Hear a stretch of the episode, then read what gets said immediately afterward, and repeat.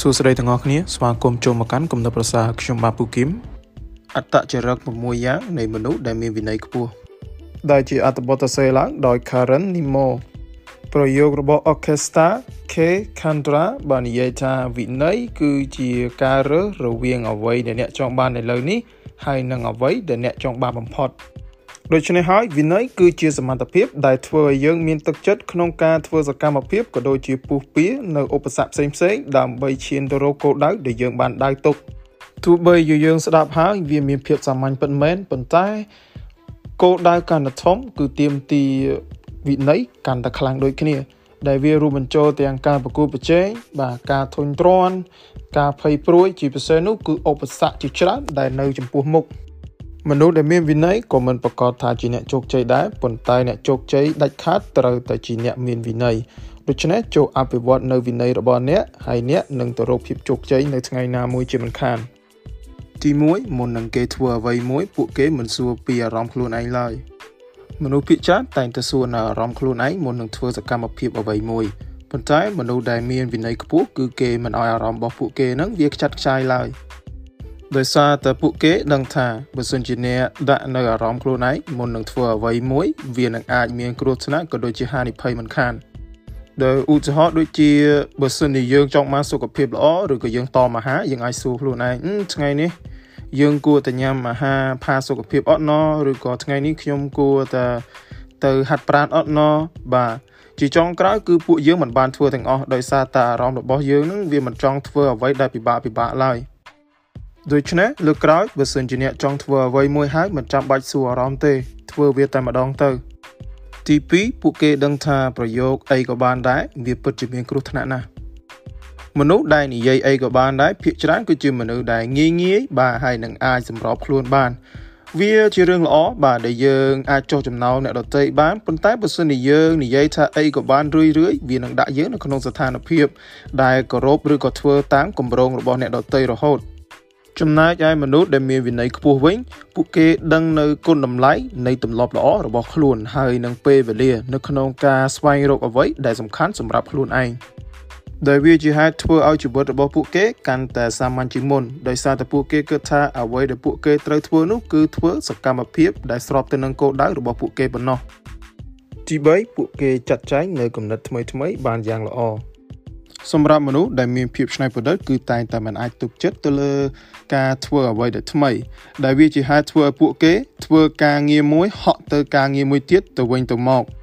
ដោយការធ្វើគ្រប់យ៉ាងនៅក្នុងពេលតែមួយហ្នឹងគឺវាមិនដែលមានលទ្ធផលល្អទេ ហើយវាក៏ជាសញ្ញានៃការខ្វះនៅវិន័យផងដែរដែលអ្នកគឺងាយនឹងរំខានក៏ដូចជាអារម្មណ៍មិនមូលឬក៏តែងតែស្វែងរកលេសសម្រាប់កិច្ចពីការធ្វើការងារពិបាកៗផងដែរ។ យោងតាមការស្រាវជ្រាវបានបង្ហាញថាមនុស្សភាគច្រើនគឺតែងតែមានប្រសិទ្ធភាពបំផុតនៅពេលដែលពួកគេផ្ដោតអារម្មណ៍ទៅលើការងារម្ដងមួយម្ដងមួយទោះបីជាវាមានរយៈពេលខ្លីក៏ដោយដូច្នេះអ្នកអាចយកគំនិតនេះទៅប្រើប្រាស់ដើម្បីកម្ចាត់នៅការរំខានជាច្រើនតាមតែអាចធ្វើបានពីព្រោះអ្នកត្រូវដឹងថាការផ្ដោតអារម្មណ៍វាពិតជាមានតម្លៃខ្លាំងណាស់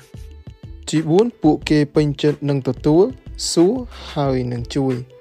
មនុស្សដែលមានវិន័យខ្ពស់ពួកគេដឹងនៅអ្វីដែលត្រូវធ្វើប៉ុន្តែពួកគេក៏ដឹងអំពីភាពសំខាន់នៃការបង្កើតនៅបរិបទជុំវិញខ្លួនដែលគ្រប់គ្រងទៅដល់សកម្មភាពរបស់ពួកគេដែរដែលបរិបទក្នុងន័យនេះរួមបញ្ចូលទាំងមនុស្សដែលពួកគេអាចរៀន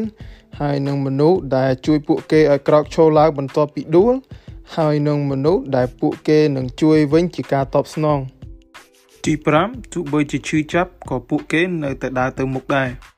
មនុស្សមួយចំនួនធំតែងតែឈប់ធ្វើឬក៏បោះបង់អ្វីមួយដោយសារតែពួកគេបានជួបនៅជ័យជំនះតូចតូចហើយពេលខ្លះទៀតក៏បរាជ័យ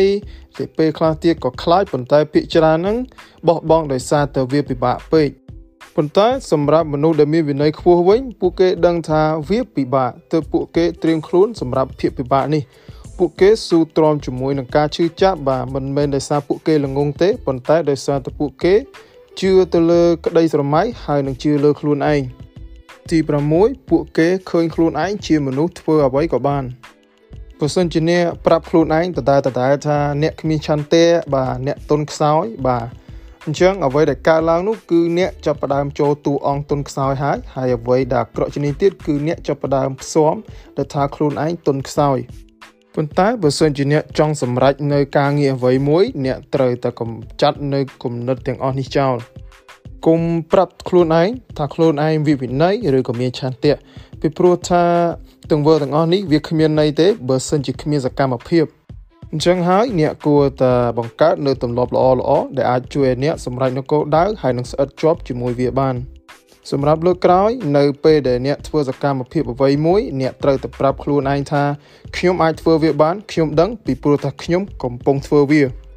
បន្ទាប់ពីស្ដាប់អត្តចរិតទាំង6នេះហើយតើអ្នកទាំងអស់គ្នាគិតថាអាចយកវាទៅប្រើប្រាស់បានដែរឬទេ